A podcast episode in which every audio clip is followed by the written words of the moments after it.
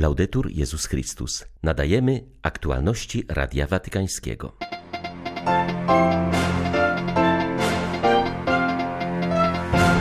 Serca Benedykta XVI oraz zmarłych w minionym roku kardynałów i biskupów były pasterskie, współczujące i pokorne, ponieważ sensem ich życia był Pan, wskazywał dziś papież w specjalnej mszy w intencji tych osób.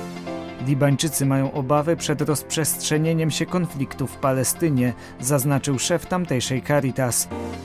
Chrześcijanie Półwyspu Arabskiego z entuzjazmem przeżywają jubileusz 1500 lat od śmierci męczenników z Nadżranu oraz oczekują zapowiedzianego przyjazdu papieża na COP28 do Dubaju.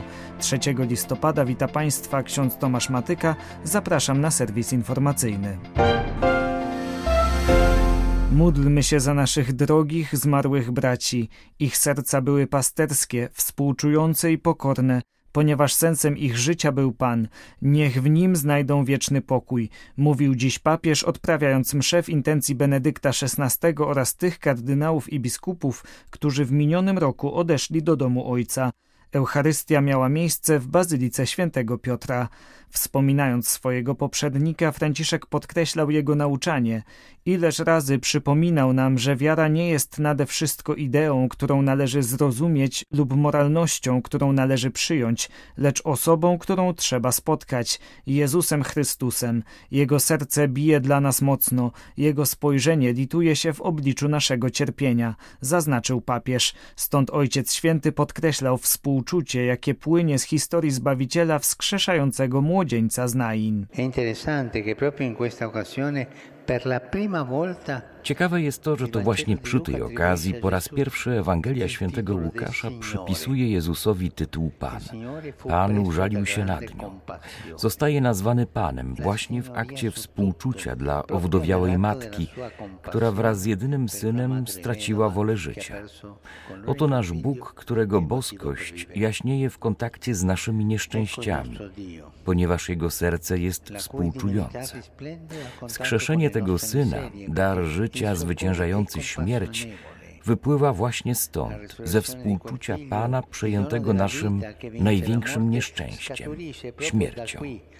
Jakże ważne jest, aby przekazać to współczujące spojrzenie osobom przeżywającym cierpienie z powodu śmierci ich bliskich. Poza konkretnym współczuciem Chrystusa, którego czyny ocierają łzy matki będącej wdową, papież zwrócił uwagę na jeszcze jeden ważny element pokorę ona stanowi podstawową dyspozycję życia dla chrześcijanina, polegającą na uznaniu, iż potrzebujemy Boga oraz zrobieniu dla Niego miejsca. Bóg miłuje pokorę, ponieważ ona umożliwia mu współdziałanie z nami. Co więcej, Bóg miłuje pokorę, ponieważ sam jest pokorny. Wstępuje do nas, uniża się, nie narzuca się, pozostawia przestrzeń. Bóg jest nie tylko pokorny, lecz jest pokorą. Lubię przypominać pierwsze słowa papieża Benedykta. Pokorny robotnik winnicy pańskiej.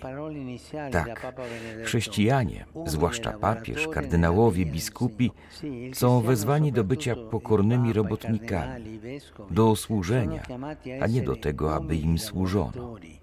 O jakże pięknie jest wyrzec się samego siebie dla Kościoła Jezusowego.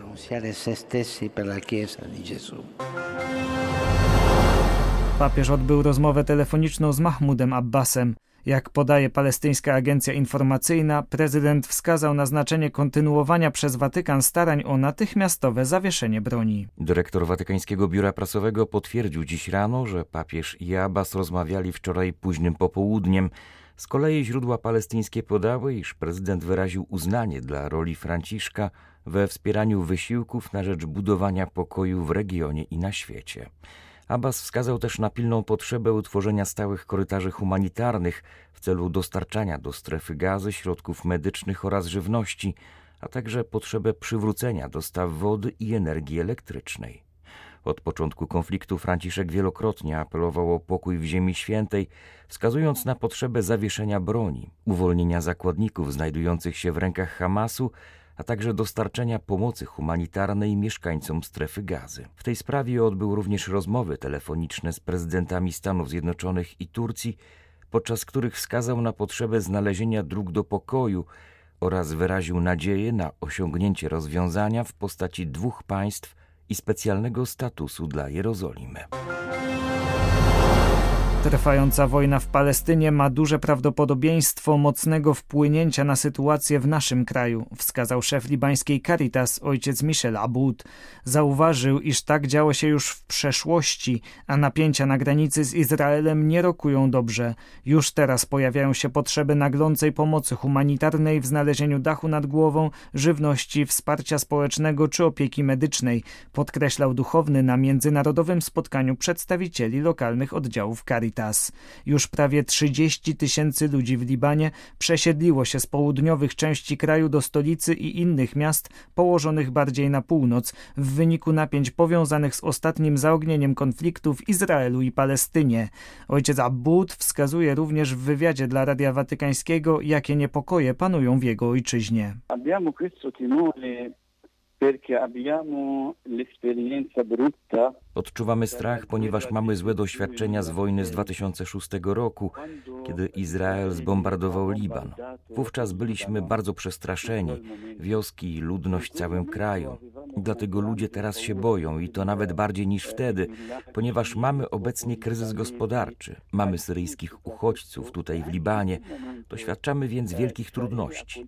I jakże możemy doznać kolejnego kryzysu?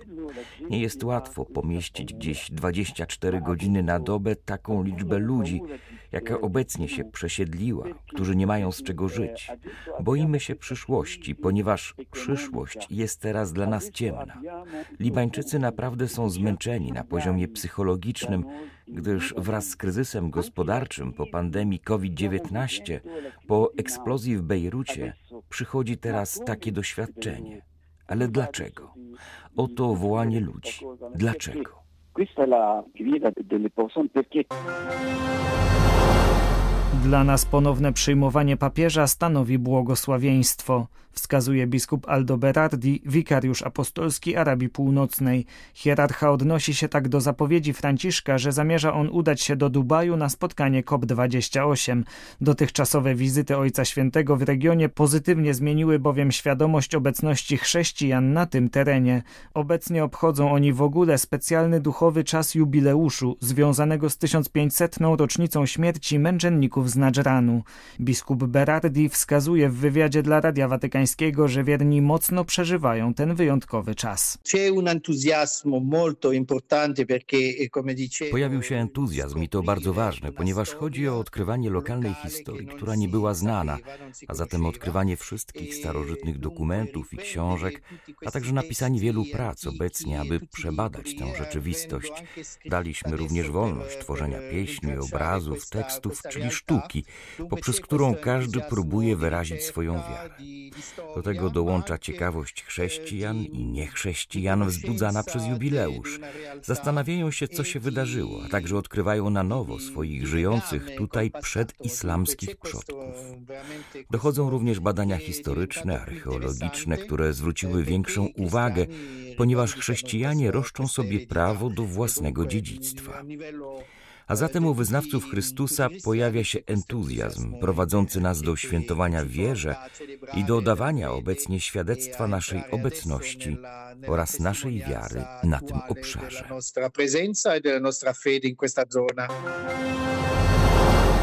Podaruj dzieciom kurtki na zimę. Pod tym hasłem rozpoczęła się kolejna odsłona charytatywnej inicjatywy rycerzy Kolumba w Polsce, którzy chcą pomóc najbardziej potrzebującym w nadchodzących chłodnych miesiącach. Jak mówi Radiu Watykańskiemu Andrzej Anasiak, najwyższy kustosz rycerzy Kolumba, akcja z powodzeniem odbywa się od kilku lat w Stanach Zjednoczonych i w Kanadzie. Rok temu również Polacy okazali wielkie serca. W ubiegłym roku po raz pierwszy w naszej jurysdykcji to dzieło podjęliśmy. Udało nam się wtedy przekazać dzieciom, które mieszkają w Polsce bez względu na narodowość, ale głównie to były dzieci polskie i ukraińskie, 6,5 tysiąca kurtek. W tym roku tą akcję chcemy powtórzyć. Mamy też plan taki, żeby oprócz kurtek rozdawanych w Polsce wysłać 2000 kurtek na Ukrainę do dzieci, które są dotknięte w tej chwili tą sytuacją wojenną, wojną, która tam się toczy i one, jak nam się przynajmniej wydaje, i tak chyba w rzeczywistości jest najbardziej cierpią. Jesteśmy w kontakcie i z rycerzami Kolumba na Ukrainie i z księżmi pracującymi w parafiach. Yy, na pytanie nasze, czy to jest dobry pomysł, do kogokolwiek byśmy nie zatelefonowali, zawsze słyszeliśmy, że to jest wspaniały pomysł, że te kurtki na pewno się w tym roku przydadzą. Po Benedykcie XVI powinna nam pozostać przede wszystkim odwaga głoszenia prawdy, uważa ksiądz profesor Krzysztof Guść, redaktor polskiego wydania Opera Omnia Józefa Ratzingera. Dziś po raz pierwszy w oktawie Wszystkich Świętych wspominamy Benedykta XVI wśród zmarłych biskupów Rzymu.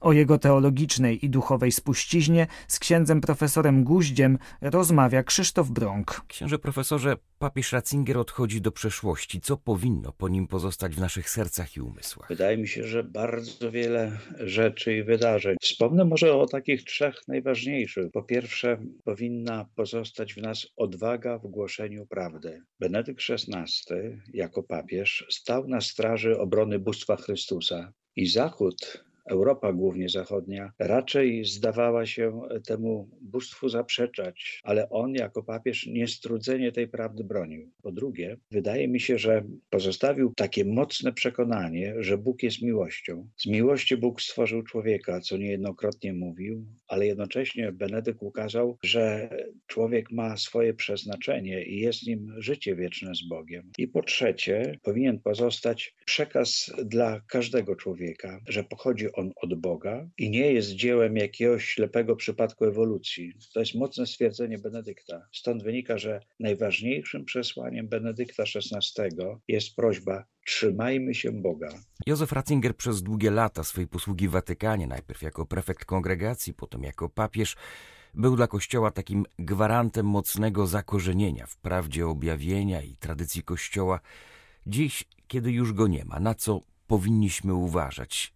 Jak sobie radzić bez niego? Słusznie, Benedykt XVI był mocno zakorzeniony w tym my Kościoła, my tradycji, to my z dużej litery pisane. Benedykt był wielkim systematykiem, wielkim dogmatykiem. Dla niego nie było pustych zdań. Każde zdanie miało sens, w którym on wypowiadał, w którym się do nas zwracał a nade wszystko wyznawał, że musimy stać mocno za Kościołem, który założył Jezus Chrystus.